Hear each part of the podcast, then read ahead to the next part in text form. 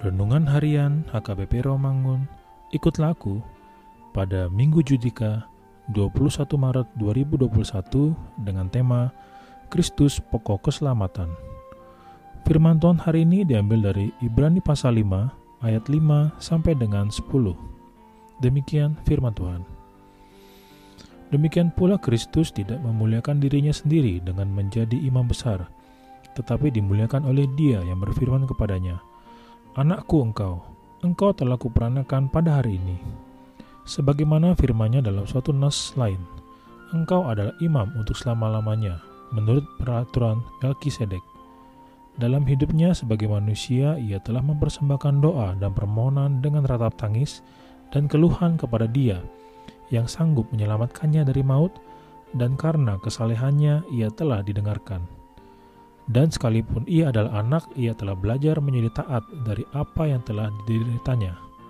Dan sesudah ia mencapai kesempurnaannya, ia menjadi pokok keselamatan yang abadi bagi semua orang yang taat kepadanya.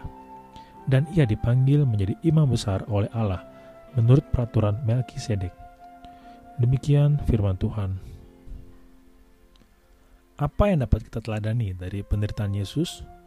Ingatlah, Sebelum Yesus Kristus mempertaruhkan nyawanya, dia mengampuni musuh-musuhnya. Sebelum dia mempertaruhkan nyawanya, dia memberi keselamatan kepada orang berdosa yang bertobat. Sebelum dia mempertaruhkan nyawanya, dia menyelesaikan pekerjaan yang Tuhan percayakan kepadanya. Kita tidak tahu berapa lama Tuhan mengizinkan kita hidup di dunia ini. Dalam penembusannya, Yesus akan menjadi 100% manusia dan 100% sebagai Tuhan.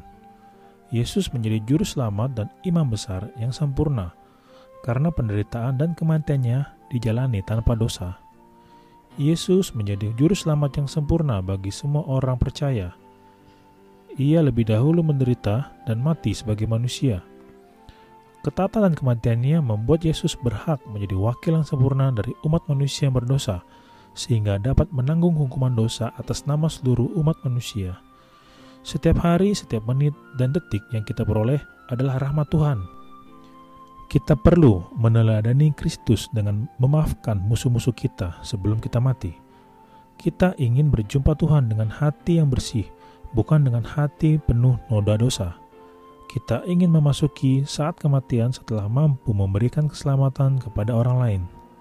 Kita ingin setia dalam memelihara dan merawat orang-orang yang bergantung pada diri kita kita ingin memasuki akhir kehidupan kita dalam menyerahkan diri pada kehendak Allah karena telah menyelesaikan tugas-tugas yang dipercayakan Allah kepada kita.